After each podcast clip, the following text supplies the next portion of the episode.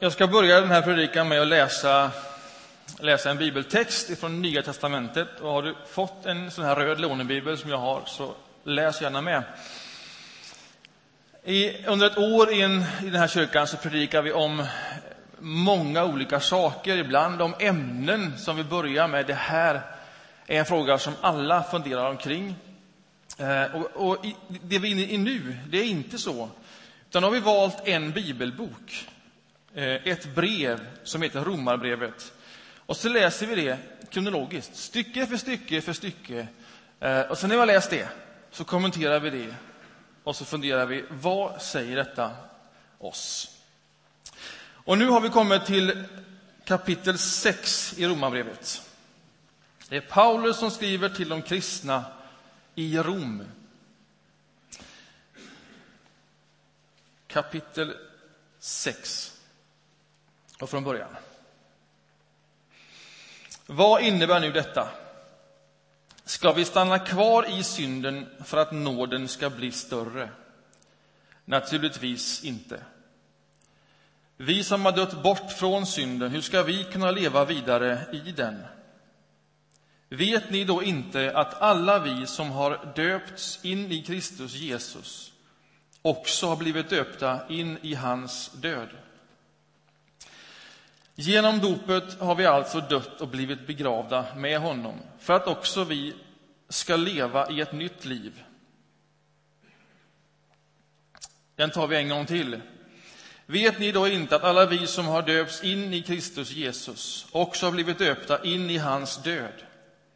Genom dopet har vi alltså dött och blivit begravda med honom för att också vi ska leva i ett nytt liv så som Kristus uppväcktes från de döda genom Faderns härlighet. Ty har vi blivit ett med honom genom att dö som han ska vi också bli förenade med honom genom att uppstå som han. Vi vet att vår gamla människa har blivit korsfäst med honom för att den syndiga kroppen skall berövas sin makt så att vi inte längre är slavar under synden. Ty den som är död är frikänd från synden. När vi nu har dött med Kristus är vår tro att vi också ska leva med honom. Vi vet ju att Kristus har uppväckts från de döda och inte mer ska dö. Döden är inte längre herre över honom. När han dog, dog han bort från synden en gång för alla. När han nu lever, lever han för Gud. Så ska också ni se på er själva. I Kristus Jesus är ni döda för synden, men lever för Gud. Synden skall alltså inte få härska i er dödliga kropp så att ni lyder dess begär. Låt inte synden bruka era lemmar som redskap för orättfärdigheten utan låt Gud bruka er, ni som ju har återvänt till livet från döden. Låt honom använda era lemmar som redskap för rättfärdigheten. Synden ska inte vara herre över er. Ni står inte under lagen, utan under nåden. Hur är det då? Ska vi synda eftersom vi inte står under lagen, utan under nåden? Naturligtvis inte.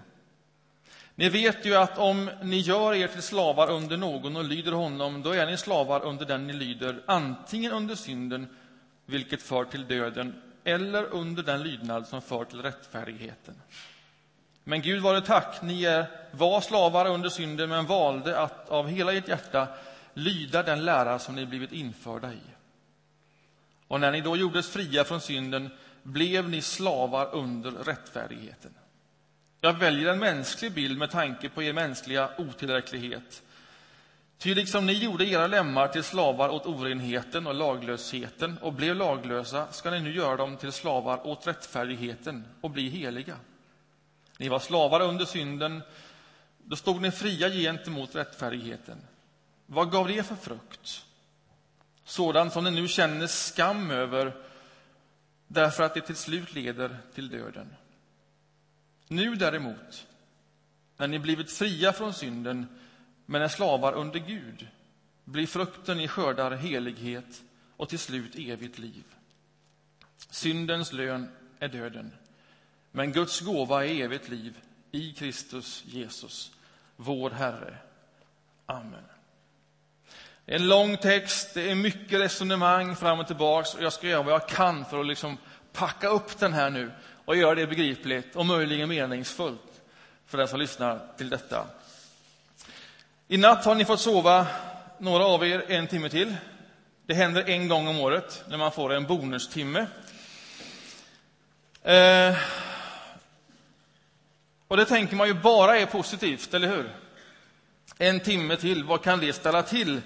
Och sen läser jag en artikel i Dagens Nyheter, sista hela sidan, eh, alldeles före helgen här, som en liten uppmuntran inför att man får en timme till. Eh, artikeln handlar om vilken eh, inverkan det här får på människan, att vi flyttar tiden en timme fram och en timme bak två gånger på året. Eh, och så försöker jag förstå här och så ser jag att det finns forskning på området. Så detta är någonting som verkligen har stor betydelse.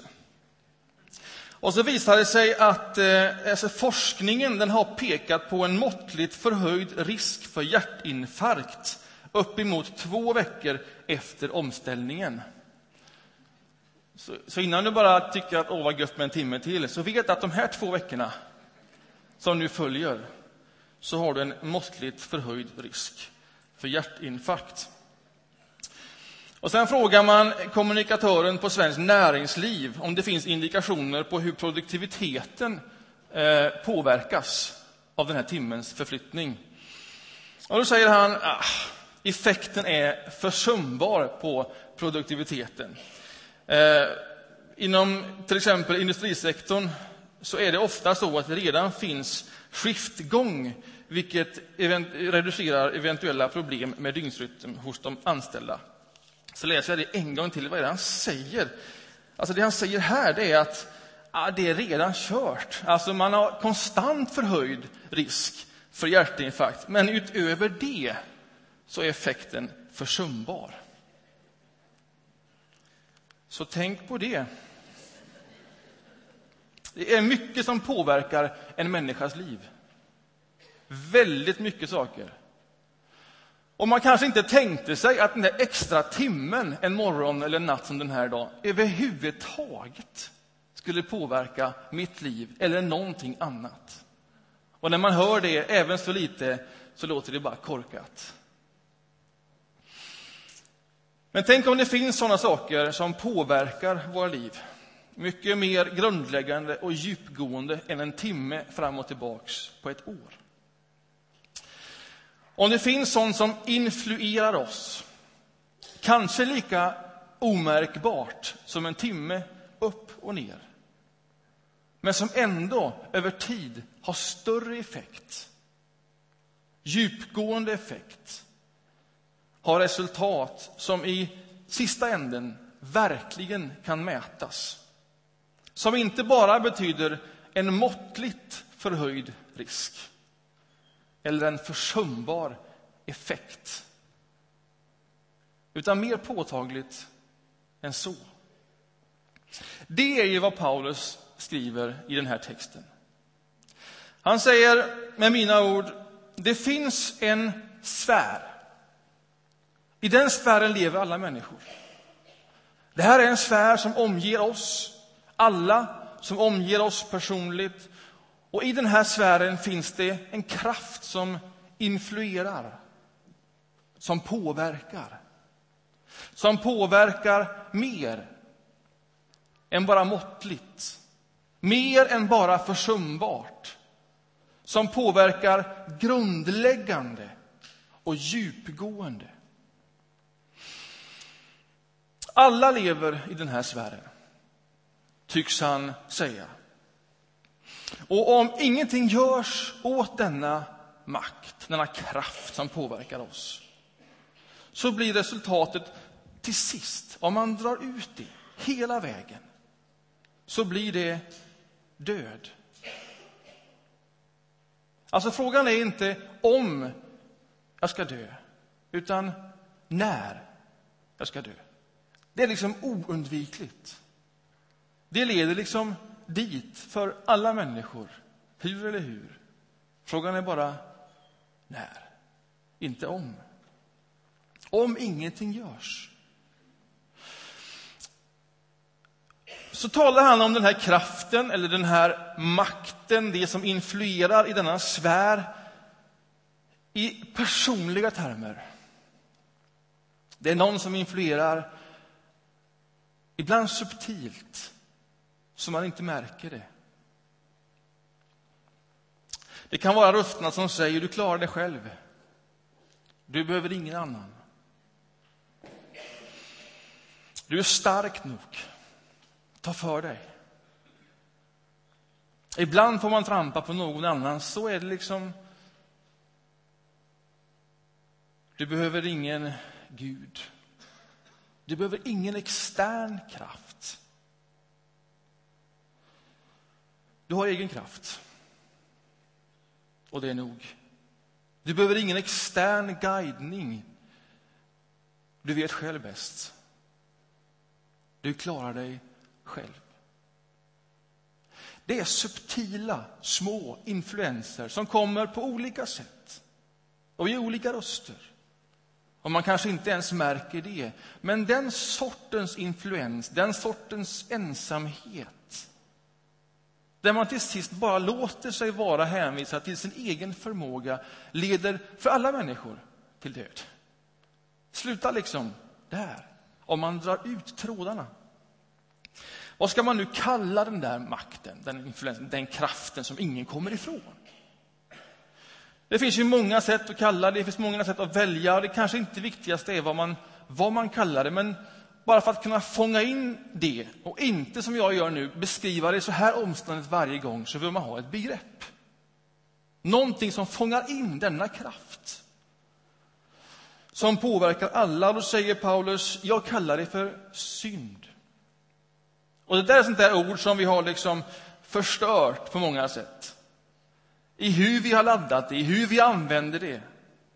Åh, oh, detta är syndigt gott. Jag har liksom förminskat betydelsen till enskilda händelser, saker man gör. Och därmed gått miste om att tänk om detta är en sån fundamental, grundläggande kraft som påverkar alla, även om det är subtilt. Paulus kallar det för synd. Det betyder kort och gott missar målet. Alltså det är en kraft som gör att du inte hamnar där du skulle kunna hamna när allting är som vackrast och skönast. Det är synden. Och så säger han, det finns en sfär till. Det är hans världsbild. Det finns en sfär till. Och där är det andra influenser. Och om man drar ut resultaten av de influenserna, av den makten, den kraften, när den påverkar i den här sfären, så är det inte död, utan precis tvärtom. Där blir resultatet alltid till sist liv. Och till och med evigt liv. Som inte bara handlar om tid, att det aldrig tar slut, utan det är en kvalitativ beskrivning av liv. Det är liv som vi känner liv, men det är liksom mer. Det är kvalitativt också. Ett annat sorts liv. Det är en sfär där den andra makten är frånvarande. Där den makten som alltid leder till död, där den sortens påverkan är helt frånvarande. De är helt skilda ifrån varandra. Och vad ska man kalla den här makten, den här kraften, den som influerar här? Ja, här säger Paulus, man kallar det för Gud. Man kallar det för Jesus Kristus. Och han kallar det senare i brevet för den heliga Ande. Här finns de. De påverkar, de influerar. Och denna influens leder till sist till liv, evigt liv, för den som befinner sig i den sfären. Detta är också en personlig kraft. Något som du också kan ha en relation till. Där säger man andra saker. Där kan man höra, jag är din Gud. Bli min dotter, min son. Jag är trofast, jag lämnar dig aldrig. Aldrig, aldrig. Jag är din kraft och vet att jag älskar dig utan gräns. Detta är influensen i den sfären. Alltså, när Paulus beskriver så kontrasterar han. Det finns två helt olika sfärer. Den ena leder till död, men den andra har med sig liv och liv för evigt. De här två sfärerna existerar parallellt. Och allt vore väldigt, väldigt enkelt om det var allt att säga. Den sfären är där, den sfären är där. Man kan röra sig därifrån till dit. Och så lever de och man och vi separerat. Men så förstår man när man läser hans brev att så är det ju inte alls. Det är helt separata sfärer, men de finns överlappande. De finns alltid överlappande och det är det som gör det så knepigt och komplicerat. Att för de här kristna i Rom förstå vad är det att vara kristen och vad är det inte? Vad är det vi brottas med? För de här människorna i Rom så föder det här en fråga som Paulus svarar på. Och den frågan kommer just från detta. Om de här sfärerna, de här makterna, de lever parallellt.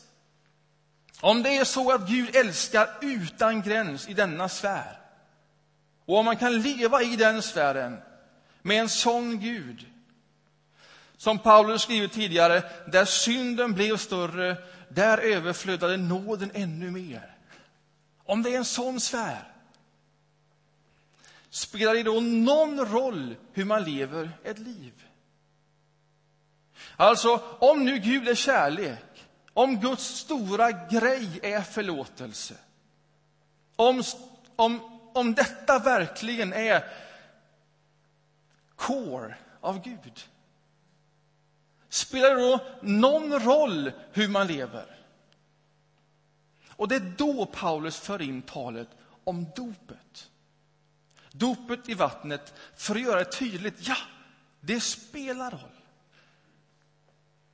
Och han börjar tala om dopet för att med det säga och påminna om hur stor och genomgripande förändringen är för den som tar emot Jesus, den sortens influens.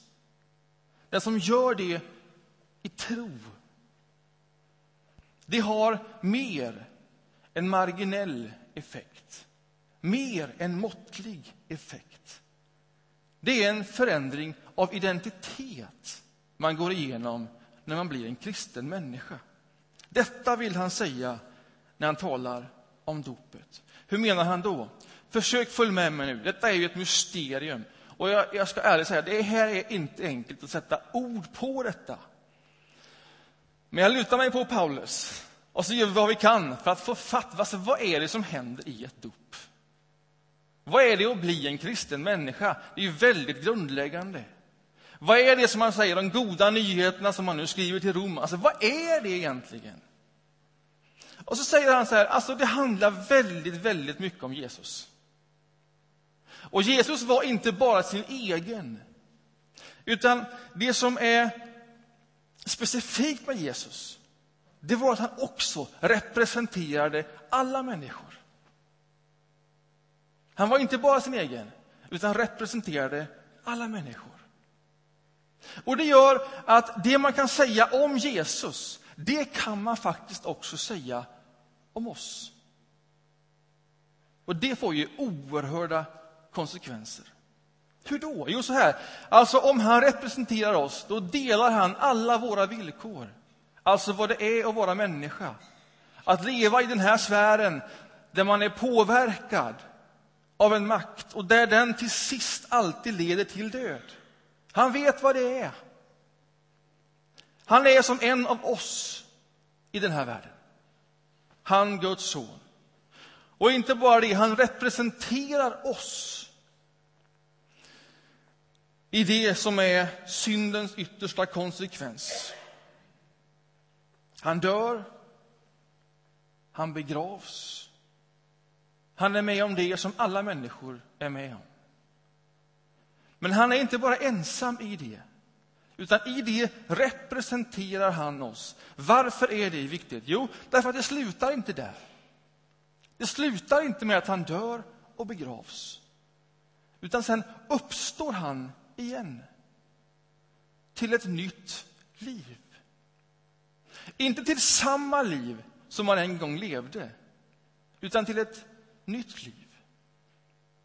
Ett annat sorts liv som påminner väldigt mycket om det liv han en gång levde. Men det finns en kvalitativ skillnad.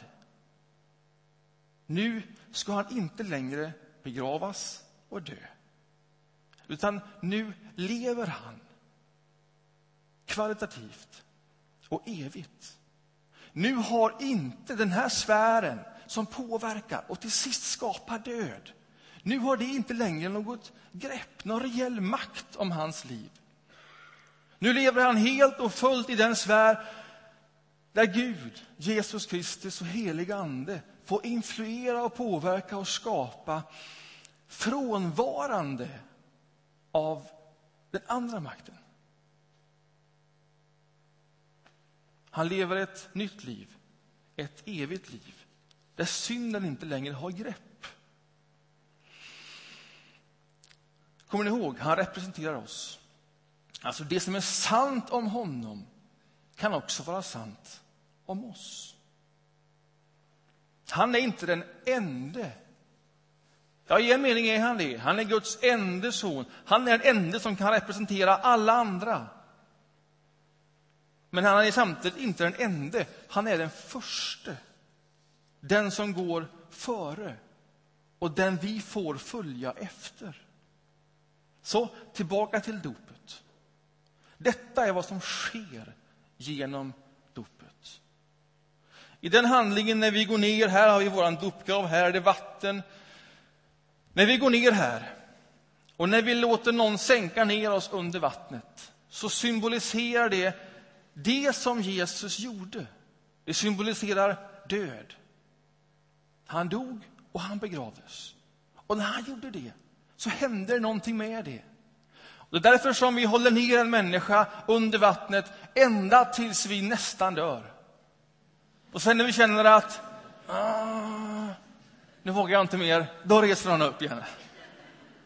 Välkommen till dop i Sarakyrkan. Därför att den bilden är väldigt, väldigt viktig. Att man faktiskt dör ifrån någonting. Det är det han gör. Och det händer någonting i hans död som är svårt att fånga in.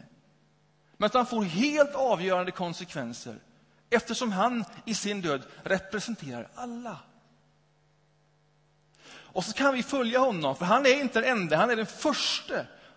Och så följer vi honom i hans spår.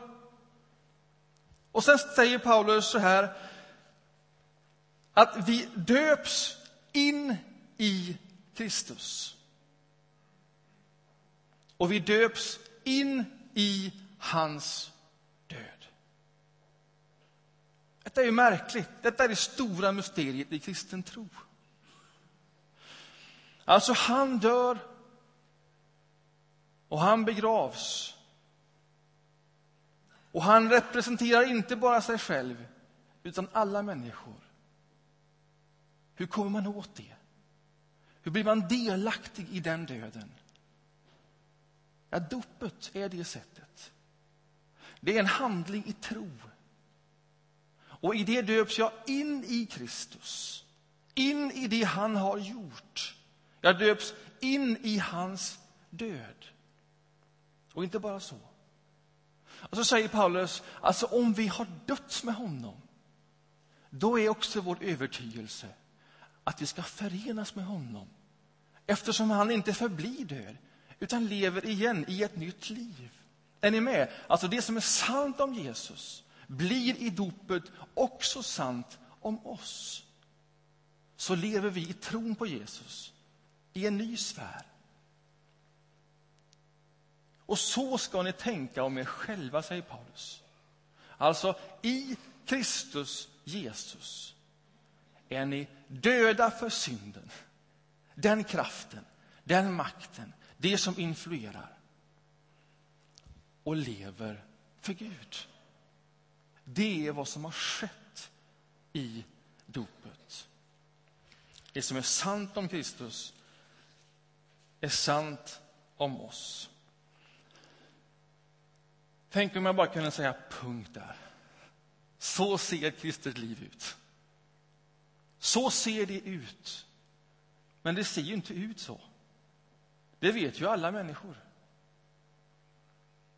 Det är som om det som här står är sant. Det är som om den förflyttningen från en sfär till en annan, alltså den är hundra procent. Den är inte bara måttlig eller försum- alltså det är en hundraprocentig förändring. Jag är död för synden.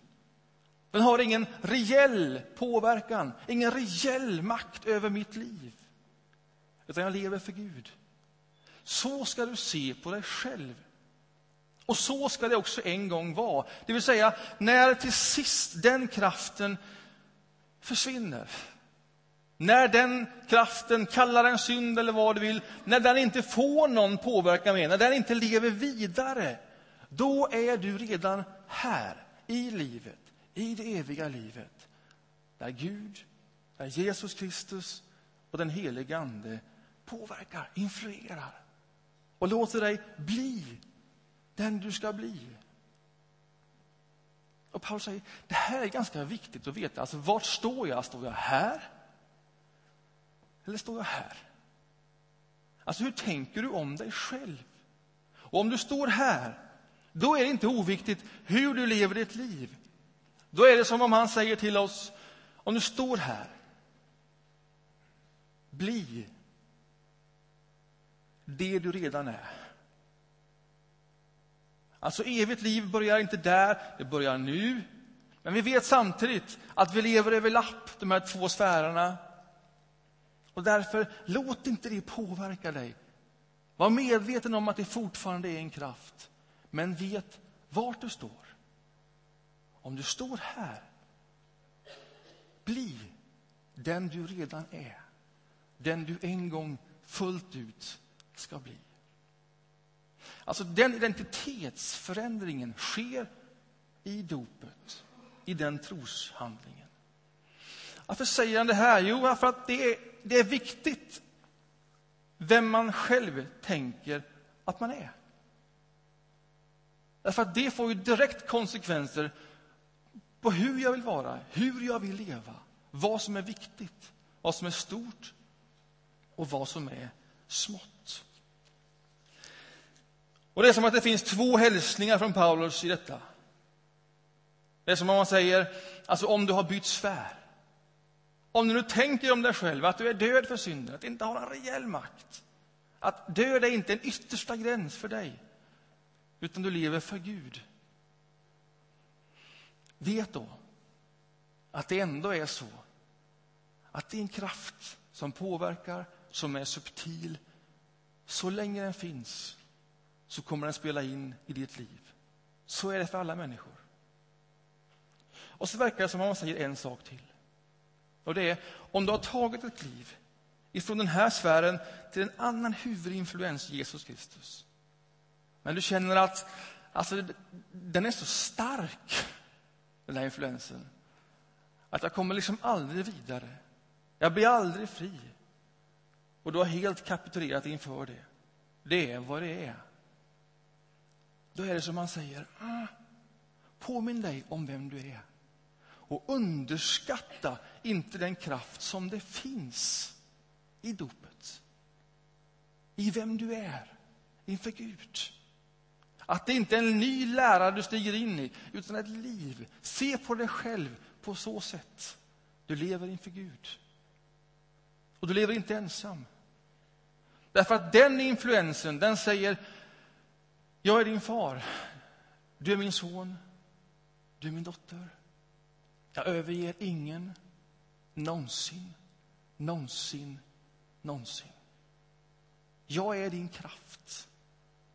Och jag är den som älskar utan gräns. Bli den du är. Påminn dig om ditt dop, din identitet.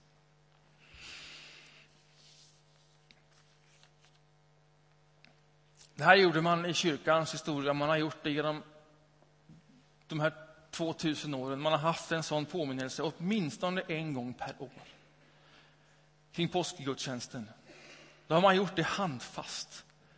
När man talar om döden och uppståndelsen så har man gjort ordningar och liturgier för det, hur man kan använda vatten och annat och säga saker och ting för att påminna sig om vem är jag? Vad är det att få bli döpt in i hans liv, i hans död och bli förenad med honom i ett nytt liv? Och så påminner man sig om det. Det gör vi inte ofta i vår tradition. Vi har inte särskilt mycket handlingar och liturgier och sånt här.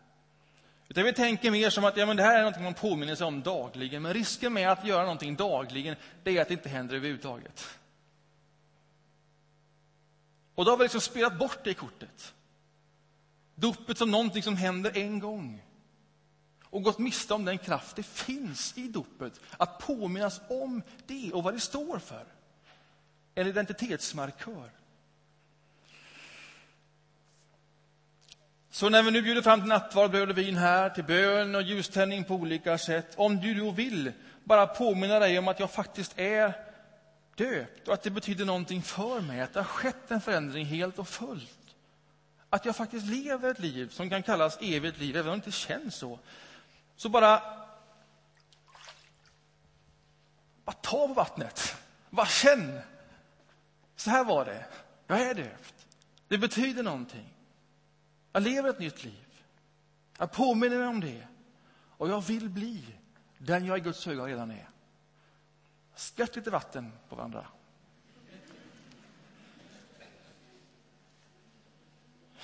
Dop är liksom som ett äktenskap.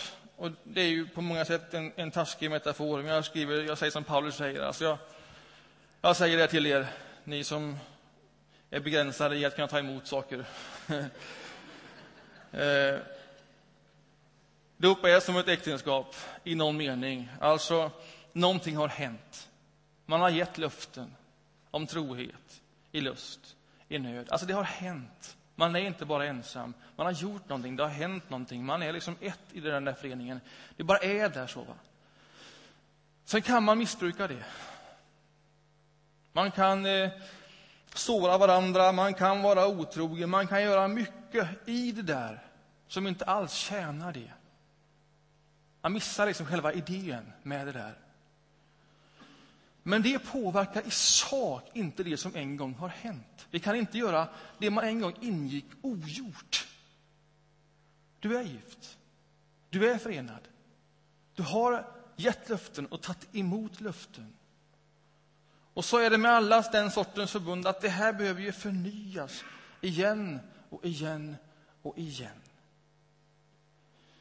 Och för Gud är det så att när man förnyar dopet i den här bildliga meningen med all dess begränsning så ska man höra orden där synden blev större. Alltså där den makten inverkade på mitt liv mer än jag hade liksom kontroll över. Då överflödar nåden ännu mer. Det ändrar ingenting på Guds röst. Jag lämnar dig aldrig, aldrig, aldrig. Jag är din kraft nu mer än någonsin.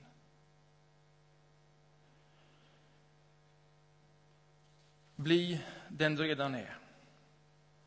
Påminn dig om det. Om du inte är döpt men tänker jag skulle vilja bli någon som om sig själv tänker jag är död för den sortens kraft och lever för Gud så ge dig själv den gåvan, dopet. Tala med någon av oss här, tala med någon som du har förtroende för. Alltså, veckla ut det mer. Vad är dopet? Jag skulle önska alla den vägen. Den identiteten. Det livet. Amen. Vi förenar oss i en bön innan vi lyssnar på lite musik. Ja, gode Gud. Tack för de här orden som vi läser, som ibland är invecklade och svåra. Tack att de ändå står för en verklighet som jag nu försökt fånga in. Att du kan bli den stora influensen i varje människas liv. Att detta är de goda nyheterna. Att det inte är för någon, utan för alla. Att det finns kraft och kärlek för alla och en var, vem man än är och vart man än är. Amen.